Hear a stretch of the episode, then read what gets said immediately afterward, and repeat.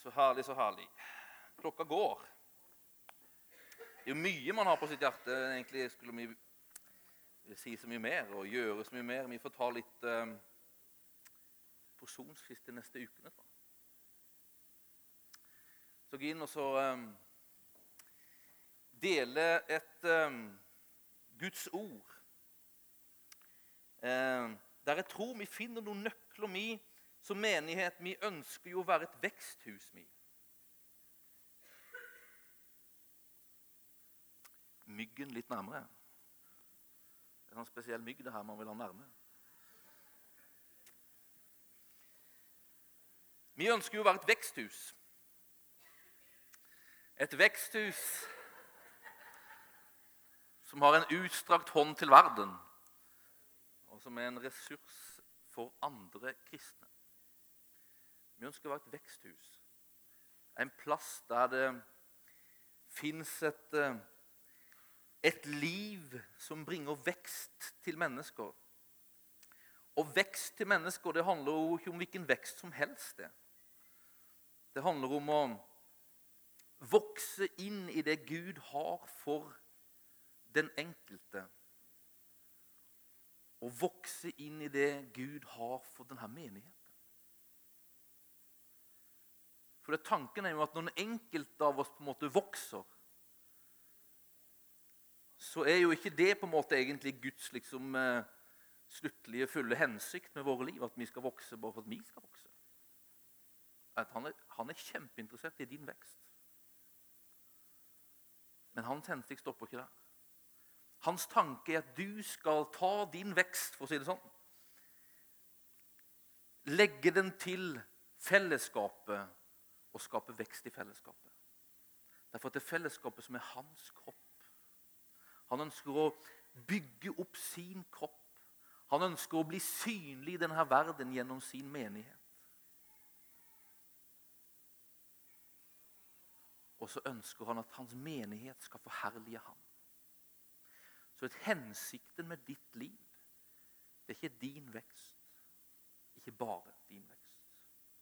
Det er fellesskapet med de andre, og så er det til hans ære. Så at han blir kjent i denne verden. Hensikten med ditt liv er faktisk verden. Verden. Som gir kalt til jordens ytterste grense, står det. Det er, det er liksom sluttdestinasjonen med ditt liv. Det skal få bety noe for verdens frelse. Så vi ønsker å være et veksthus. Eh, og I Johannes 15 så fins det en tekst som handler om det her med vekst. I, eh, fra eh, kapittel, vers 1-8 så, så står det at veksten, eller frukten, som jo er veksten Hensikten med et veksthus er jo faktisk at det skal finnes vokse fram frukt i det. Og Hensikten med denne veksten er at det skal vokse frukt. Frukt til hans ære. Fruktens, Hemmeligheten med å, at frukten vokser i våre liv, det sier Jesus, det er å forbli i ham. Lik en grein som forblir på vintreet, og ved å forbli på vintreet bærer frukt. Det er jo eh, ikke så spesielt. Det er allmenn naturfagskunnskap at eh, for at et tre skal bære frukt, så må greinen være på stammen. Alle er enige med meg om det? Og Sånn er det med oss òg. Hvis vi skal bære frukt, sånn frukt som Gud har tenkt, så må vi være kobla med Han, med Jesus Kristus. Og på en måte innkobla med Jesus Kristus det blir man den dag man tar imot Han som sin personlige frelser. Han sier, 'Jeg vil ta imot. Jeg vil la du få en plass i mitt liv. Jeg vil gi du mitt liv.' Da kobles vi med Han, og så finnes det en kopling der som gjør at frukt kan bli til ved at hans liv liksom strømmer inn i oss og produserer frukt. Akkurat som treet fungerer sånn. Greinene fungerer sånn på stammen. Så er det òg med oss. Det skal bli frukt av oss ved at vi forblir i Han. Det skal bli en unik frukt. Vi skal være unike. Unike. Har dere merka at dere er litt unike? Jeg håper det, for det er tanken. Men så er det òg noe som skal være felles. Den skal smake noe av det samme. Den skal smake ham. Den skal smake ham. Så det er noe unikt som skal vokse fram, og så er det noe som er felles. Noe som man skal kjenne igjen hos hverandre. Det skal smake han. Jeg leste det at eh, felles for all frukt det er at det fins fruktose i det. Stemmer det, Ida? Ida er jo sånn ernæringslærer. Iallfall det nærmeste vi kommer det. Er PT. det fins fruktose i all slags frukt. Fruktsukker. Det fins en sødme som skal være til stede i alt Guds folk. Det er smaken av Han. Frukten av å være med Han skal være at vi smaker Han. Så det her med, det her med å være kobla med han, det er ikke bare noe sånn som er en sånn engangsgreie. I 1979, når du tok imot han, så da kobla du med han, og så på en måte så, så brydde du deg ikke mer om den koblingen. Koblingen det er en sånn kobling vi har og skal ha og skal være bevisst på. Da får det livet som, som kommer fra ham, strømme inn i oss og skape denne frukten. Og Hvis vi leser fra vers 9, så tror jeg, så, på en måte, så utdyper Johannes det her som han, han prater om her med å, å, bli i Kristus. Hva betyr det? Hva innebærer det? Og så tror jeg vi har noen nøkler der som jeg tenker at det er noen nøkler til oss som menighet. For at vi skal kunne være et veksthus. Som far har elsket meg, står det fra vers 9, har jeg elsket dere. Bli i min kjærlighet. Hvis dere holder mine bud, blir dere i min kjærlighet, slik jeg har holdt min fars bud og blir i hans kjærlighet. Dette har jeg sagt dere for at min glede kan være i dere, og deres glede kan bli fullkommen. Og dette er mitt bud. Dere skal elske hverandre som jeg har elsket dere. Ingen har større kjærlighet enn den som gir livet for vennene sine. Dere er mine venner hvis dere gjør det jeg befaler dere. Jeg kaller dere ikke lenger tjenere, for tjeneren vet ikke hva Herren hans gjør. Jeg kaller dere venner, for jeg har gjort kjent for dere alt jeg har hørt av min far. Dere har ikke utvalgt meg, men jeg har utvalgt dere og satt dere til å gå ut og bære frukt, en frukt som varer. Da skal Far gi dere alt dere ber om i mitt navn. Dette er mitt bud til dere. Elsk hverandre. Jeg tror vi har noen nøkler der. Og jeg tror Den første nøkkelen til oss som menighet for at vi skal være et veksthus, er at vi blir i Hans kjærlighet. Som far har elsket meg, har jeg elsket dere. Bli i min kjærlighet. Det handler om å forbli. Det handler om å være nær eller å oppholde seg ved hans kjærlighet. Så bli i ham blir hos Johannes lik med å bli i hans kjærlighet. Fordi han er kjærlighet. Han er kjærlighet. Og jeg tror at når vi blir i hans kjærlighet, så tror jeg at vi får tro på at han er kjærlighet. Det om å, om å kjenne Gud det handler om å kjenne kjærligheten. Kjærligheten er jo en ting. Og tingen kjærlighet gjør noe. Hva gjør kjærligheten? Jarle, hva holder kjærlighet på med? Den holder på med masse. Men det samlenavnet er at den elsker. Så Johannes han skriver i første brev sier han, den som ikke elsker, kjenner ikke Gud. Fordi Gud er kjærlighet. Gud er kjærlighet. Så det er først når vi lærer kjærligheten fra Gud, og kjenner at vi lærer å kjenne Ham. Hans hjerte, hans natur, hans vesen er kjærlighet. Alt han gjør, er kjærlighet. Alt han gjør, er ut ifra hans natur som kjærlighet.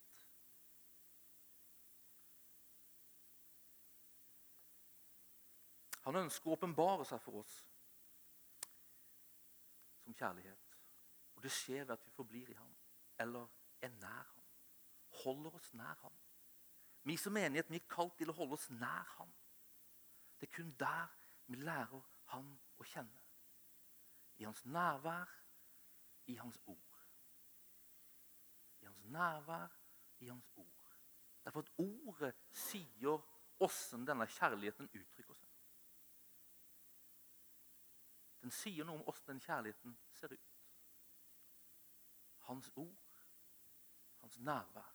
Jeg tror det går så hånd i hånd. Så hånd i hånd. Men nær han, i hans nærvær, lærer vi han å kjenne som kjærligheten. Derfor blir vi i han. Det andre som skjer når vi forblir i hans kjærlighet, når vi forstår at han er kjærlighet, når vi erfarer at han er kjærlighet, det at i kjærligheten så fins den rette atmosfæren for vekst. Kjærligheten er atmosfæren for vekst. Kjærligheten binder ikke, begrenser ikke, men kjærligheten forløser. For kjærligheten er det motsatte av frykt. Frykt begrenser det. Frykt begrenser. Frykt hindrer vekst. Frykt skaper kopier, ikke noe unikt. Kjærligheten forløser, for kjærligheten skaper en trygghet. Jeg har en verdi. Er unike med, er elska av Gud.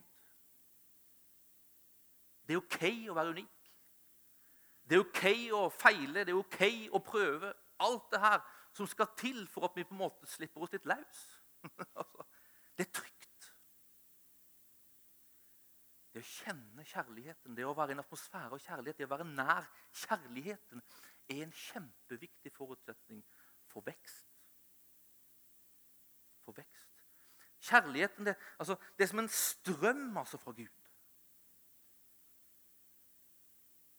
Gud liksom Det strømmer liv fra ham. Det står jo at han har utøst sin kjærlighet i våre hjerter ved Den hellige ånd. Det står i Efeserbrevet at hans nåde er utøst. Altså Det strømmer en strøm fra Gud. altså.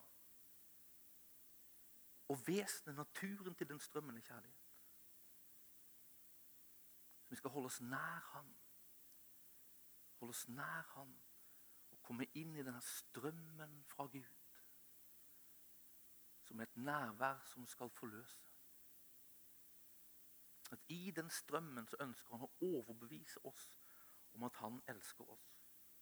Han ønsker å overbevise oss om at han er kjærlighet. Han ønsker å overbevise oss om at han er for oss. Hvordan får vi til det her i menigheten?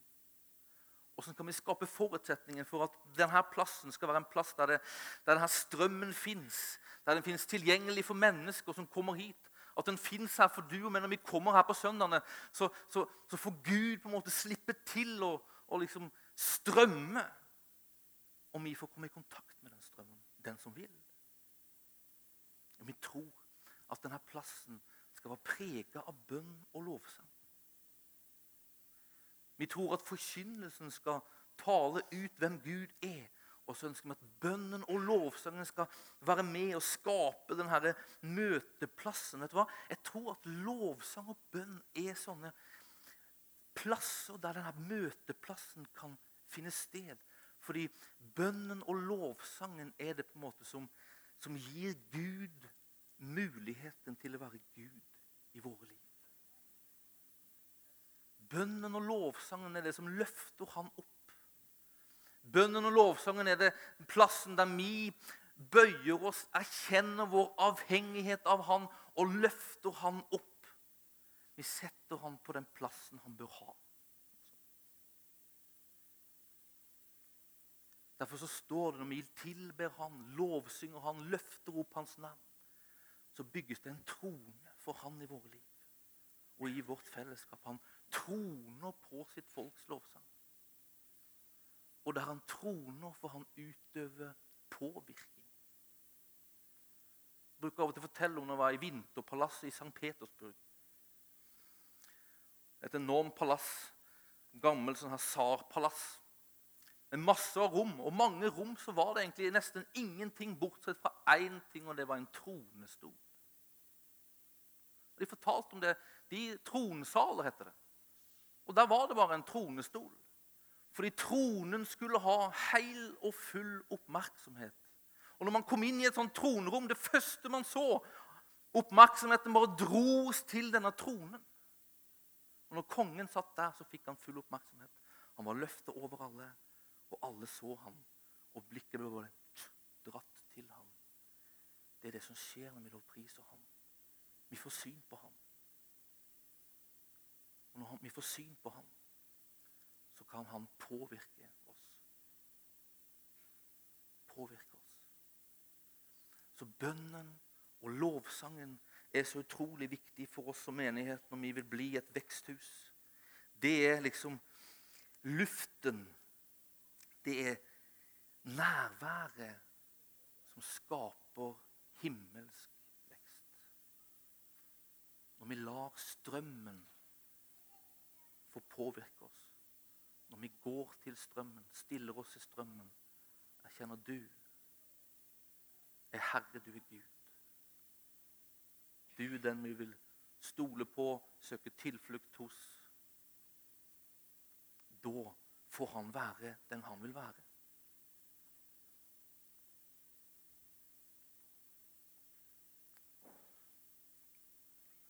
Som vil være prega av bønn og lovsang. Og gjennom det så ønsker vi som menighet å bli i hans kjærlighet.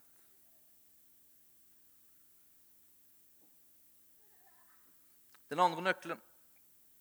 Hvis dere holder mine bud, blir dere i min kjærlighet. Slik jeg har holdt min fars bud og blir i hans kjærlighet. Dette har jeg sagt dere for at min glede kan være i dere, og, i deres, og deres glede kan bli fullkommen. Og dette er mitt bud. Dere skal elske hverandre som jeg har elsket dere. Ingen har større kjærlighet enn den som gir livet for vennene sine. Jeg tror at nøkkel nummer to Nøkkel nummer én det er å bli i hans kjærlighet. Nøkkel nummer to det er å holde hans bud, så vi kan forbli i hans kjærlighet. Dette fins et uttrykk av og til når man, når man leser eh, om eh, gudstjeneste og alt sånt der. at Man, man bruker, si, man bruker å prate om gudstjenesten etter gudstjenesten. Hva betyr det? gudstjenesten etter gudstjenesten. Det vil si at du, du skal leve ut gudstjenesten etter at gudstjenesten er ferdig. Altså det her livet, det her med å være et veksthus, det her med å være liksom en som er, er kobla med han, som skal være fruktbærer for han, det er ikke en sånn en gang i uka-greie. altså egentlig. Han ønsker og vil at hele tida skal hans liv få liksom pulsere, påvirke oss, skape vekst i oss. Det er sånn strømmen, altså. En strøm av liv som han vil vi skal få stå i. Kirka bruker å avslutte gudstjenesten sin med 'gå og tjen Herren med glede'. Det betyr det her. Gå nå. Lev det her. Vet at Tilbedelse det er ikke noe sånn en, sånn en happening da og da. Tilbedelse det er en livsstil. Ida har en blogg som heter heter den for noe? Worshipping Heart. Ja. Det handler om en, en tilbedelseslivsstil. Tilbedelse, det er en livsstil. Vi er kalt til å leve ut det som vi, vi møter på i denne strømmen. Vi er kalt til å leve ut det vi møter på i nærvær av Han. Vi er kalt til å leve ut det som Han liksom viser oss i nærværet. Hva er det han viser oss i nærvær? Han er kjærlighet. Vi er kalt til å leve ut det at vi omgås med kjærligheten. Vi er kalt til å elske. Vi er kalt til å elske Han. Vi er kalt til å elske mennesker. Og når vi elsker Han og elsker mennesker, da går vi i denne strømmen. Da forblir vi i Han. Da, når vi lever ut det her, så fortsetter hans liksom, prosess av vekst i vårt liv. Derfor vil han ha oss der. Han ønsker å produsere det i våre liv. At ikke det blir en sånn, her, en sånn, en, en sånn Kjempeherlig møte. Halleluja, halleluja. Nå går vi hjem og lever vårt liv, og så glemmer vi det her. Og så neste søndag er vi her igjen. Halleluja, halleluja, halleluja. Han ønsker å sette et avtrykk i oss. Som vi bærer med oss, som får prege oss, så at vi forvandles og blir mer og mer lik Han. Så at vi lever ut det Han er. For Alt det han gjør, og alt det han er, det er et uttrykk for at han er kjærlighet. Han elsker.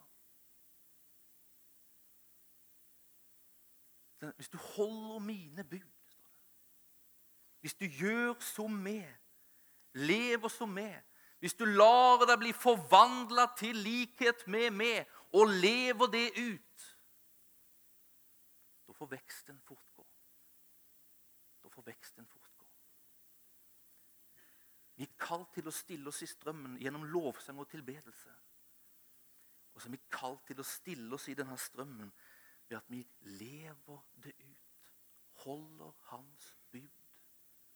Vet du at Lydighet er en tilbedelse. Det å gjøre og lengte etter å gjøre det han gjør. Det å ville gjøre det han gjør. Det er et hjerte av tilbedelse. Er du ikke enig i det? Det er jo egentlig Idas område, det her med lovsang. Så jeg må bare sjekke. Tilbedelse er en praksis. På alle livets områder kan vi leve et liv av tilbedelse. Og et liv av tilbedelse, det er samme sak som skjer i lovsangen. Det, det er et hjerte som er bøyd, som gir Han rett og gir Han en plass til å trone og regjere og påvirke i vårt liv. Hva skjer da? Vekst. Vekst. Det gjelder ditt og mitt liv, og det gjelder oss som menighet. Vi ønsker en praksis i menigheten som er liksom hele tida, som uttrykker en tilbedelse som sier 'Vi vil være som du', 'Vi vil gjøre som du'. Det vi erfarer i nærværet, det vi leser i ditt ord, vi vil praktisere det, gjøre det. Vi har formulert det at vi tror at vi skal være en menighet som har en kultur av kjærlighet og omsorg.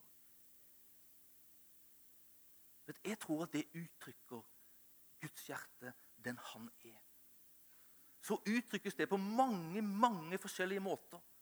Og vi finner på en måte veiledning og sannheten om den han er, og hva han gjør. Det finner vi i hans ord. Vi skal leve ut hans ord. Vi skal elske som han gjør.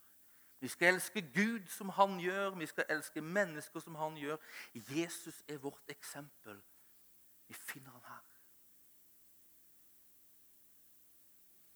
Da kan veksten fortsette. Da kan vi skape et klima iblant oss som har et klima som kan skape vekst. Kjærlighet og omsorg. Kjærlighet og omsorg. Alt som på en måte er født av Gud, alt det som er av Gud, det er, har kjærlighet med seg. Det er et uttrykk for kjærlighet. Vi er kalt til å uttrykke kjærlighet oss imellom. Det kan se veldig forskjellig ut ut fra situasjoner og behov og alt sånt der. Men i bånden er vi kalt til å være drevet og motivert av kjærlighet i forhold til hverandre. Vi er kalt til å være for hverandre på samme måte som Gud, han er for oss. Han er for oss. Amen. Lykkes vi med det her, da? Lykkes vi å leve og bare gå i denne strømmen og bare elske og elske og elske og elske? og elske? Det er ikke lett, altså. I oss sjøl klarer vi det ikke. Men det handler om en innstilling at jeg ønsker og vil det. Og løsningen når vi mislykkes når vi mislykkes. Det er ikke fordømmelse og strafferunder og stikke av gårde og liksom straffe seg sjøl. Nei, vet du hva? Guds løsning er alltid kom. Kom. Kom. Når vi innser at vi er skyldige og ikke lykkes, så er hans ord til oss alltid kom. Kom tilbake. Kom til meg. Kom, omvend deg fra din vei og kom til meg. Velg å igjen gå på min vei, still deg i strømmen, så fortsetter vi der. Omvendelse det er en daglig greie, altså, tror jeg.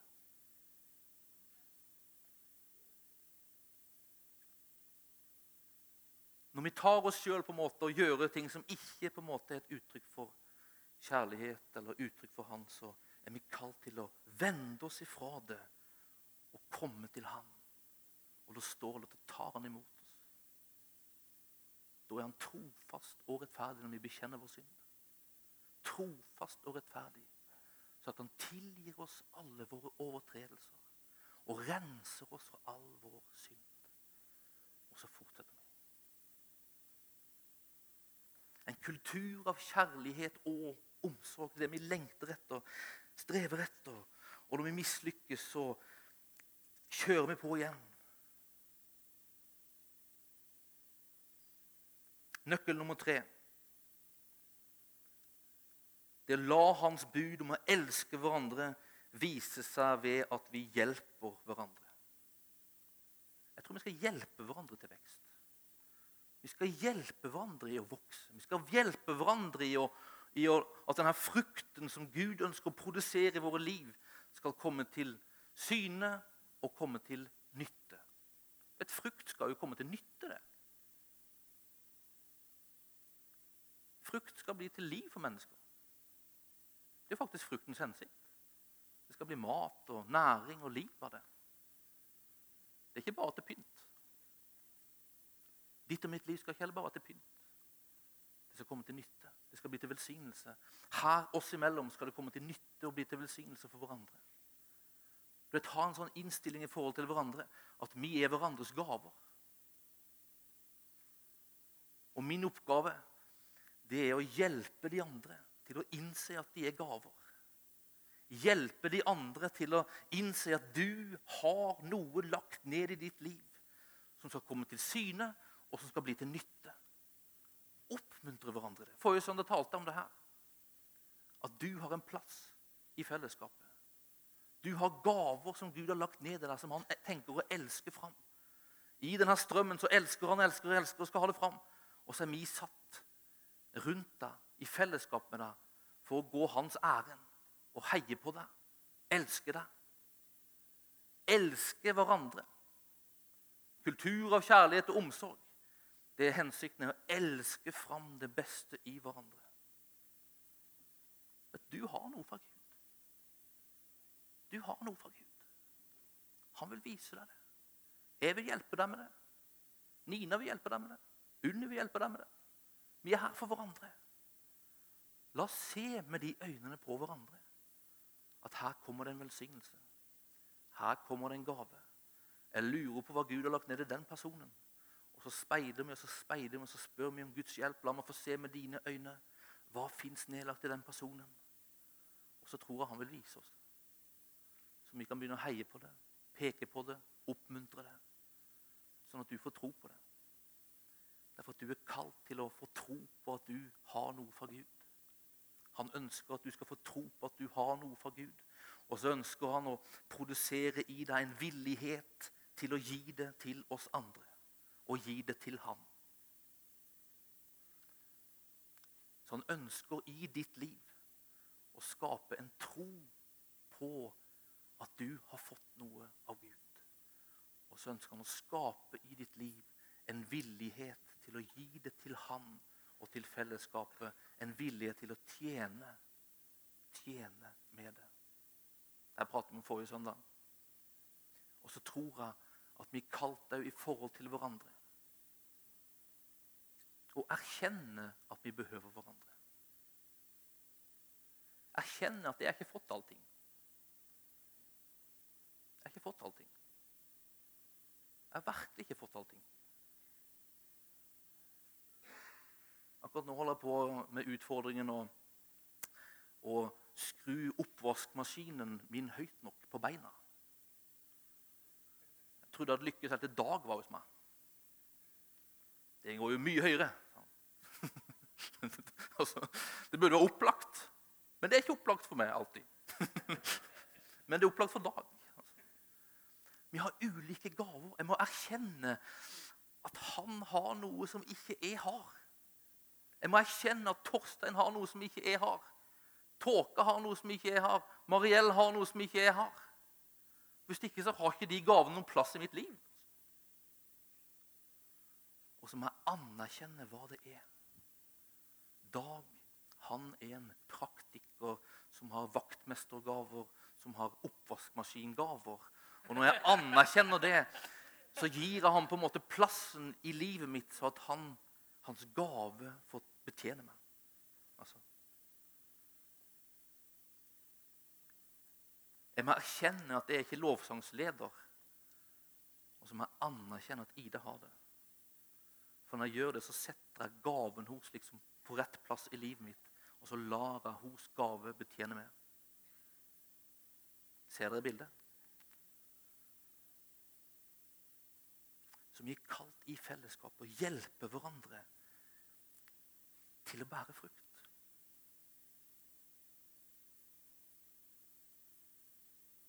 Oppmuntre hverandre. Sånn at det vekkes en tro. Ja, men jeg har jo noe fra Gud. Og en villighet til å tjene med det. En erkjennelse at jeg mangler noe som de andre har. Jeg behøver de andre. Og så en anerkjennelse av hva det er Gud har lagt der. Sånn at det Gud har lagt der, får velsigne. At Jesus han sier at når man gir en profet et glass vann fordi han er en profet, så skal man få en profets lønn. Man anerkjenner profeten. Så får man lønnen profeten har å gi. Vi kalte det i fellesskapet å hjelpe hverandre. Så nummer én vi er kalt i vårt fellesskap til å bli i Han. Vi er kalt til å holde Hans bud, og ved det forbli i Han. Og vi er kalt til å elske hverandre og hjelpe hverandre i det å bære frukt for Han. Sånn at vi sammen kan bli et veksthus. Et veksthus et veksthus som ikke bare er for oss, men et veksthus som er åpent mot verden. Et veksthus som vi kan invitere mennesker inn i. Vi skal hjelpe hverandre. Derfor tror vi på småfellesskap. Derfor Der tror vi at vi kommer nær nok hverandre for å hjelpe hverandre. Nær nok hverandre for å se hva som fins hos den andre. Nær nok hverandre for å heie på hverandre så mye at man begynner å tro på heiinga kommer nær hverandre. Vi behøver det store fellesskapet, og vi behøver det lille fellesskapet. For at veksthuset skal få bygges opp og bli det som han har tenkt. Amen. Ikke så langt.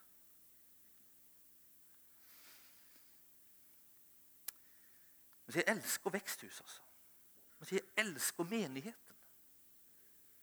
Jeg elsker mennesker som tjener her. Jeg elsker mennesker som gir, legger ned sitt liv her. Og Jeg ønsker ikke at vi skal ta hverandre som en selvfølge. Jeg ønsker at vi skal se på hverandre som gaver til hverandre. Heie på hverandre som gaver til hverandre. Se på hverandre som dyrebare skatter i mitt liv. Og Jeg tenker på de som tjener her. Noen tjener veldig åpenbart. Andre tjener i det skjulte. Det er lett for oss som står på scenen, det er mye synlige.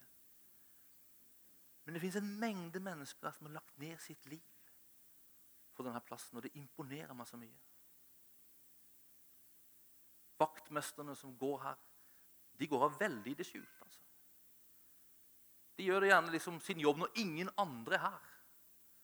Da møter man på vaktmesterne som skrur og fikser og reparerer. Det imponerer. Det imponerer. Det fins ingen annen drivkraft i det man gjør, enn at man gjør det for Gud. For det er ingen som ser at man gjør det. Det eneste man ser, er det de ikke gjør.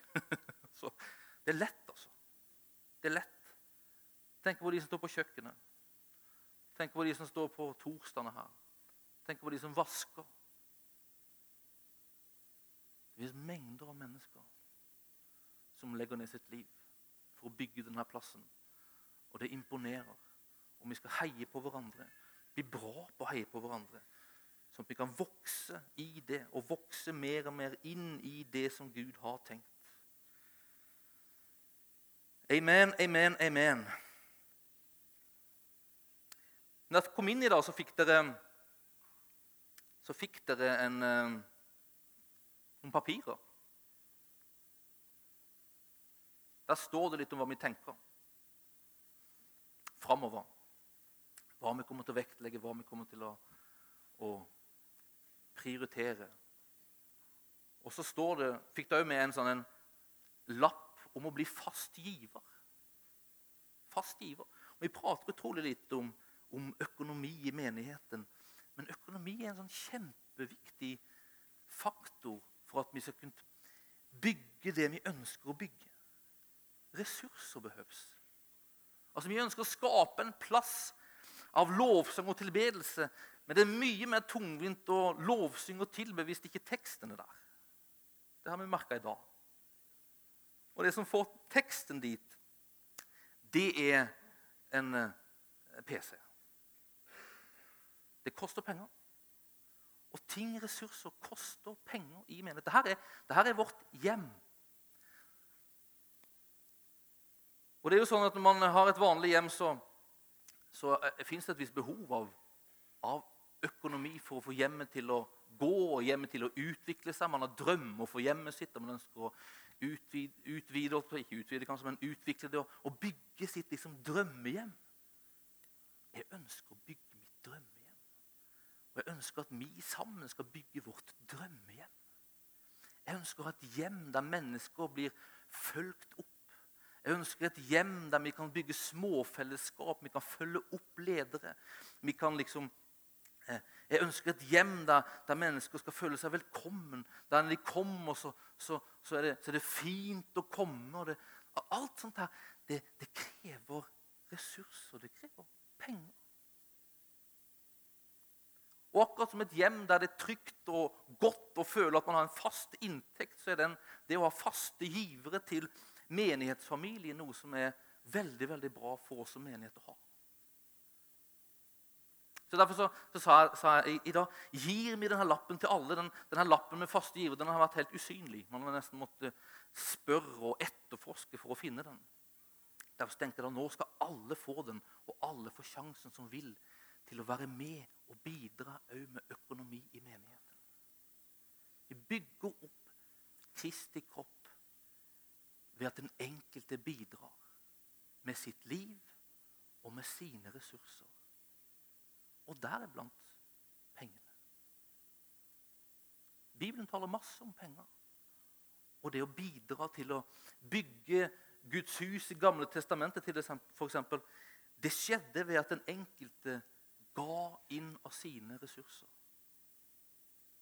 Bærte tiende av all inntekt inn i forrådshuset, heter på svensk. vet ikke om det heter norsk. Inn i huset. Sånn at det skulle finnes mat i mitt hus, sa Herren. Dette her, det skal være hans verk. Det er hans hus. Det er hans kropp. På samme måte så skal jeg og du få lov til å bære fram vårt av både tid, kraft og ressurser for å bygge hans verk. Dette finnes, Jeg drømmer om masse ting. altså. På fredag når vi var her, så hadde vi 116 ungdommer på ungdomsmøte. Det er masse mennesker. Men det krever masse.